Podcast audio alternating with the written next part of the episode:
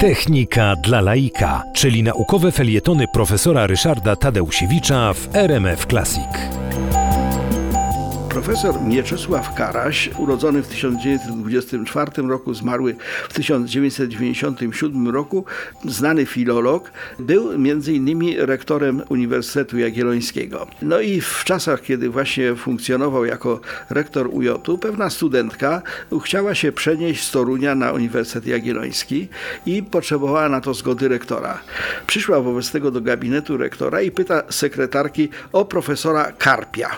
Oczywiście profesor y, Karaś słyszał to przez drzwi, wyszedł i mówił tak, wie pani co, ryba wprawdzie inna, ale taka brzana to się przyda w naszym stawie. I podpisał zgodę. Miał poczucie humoru.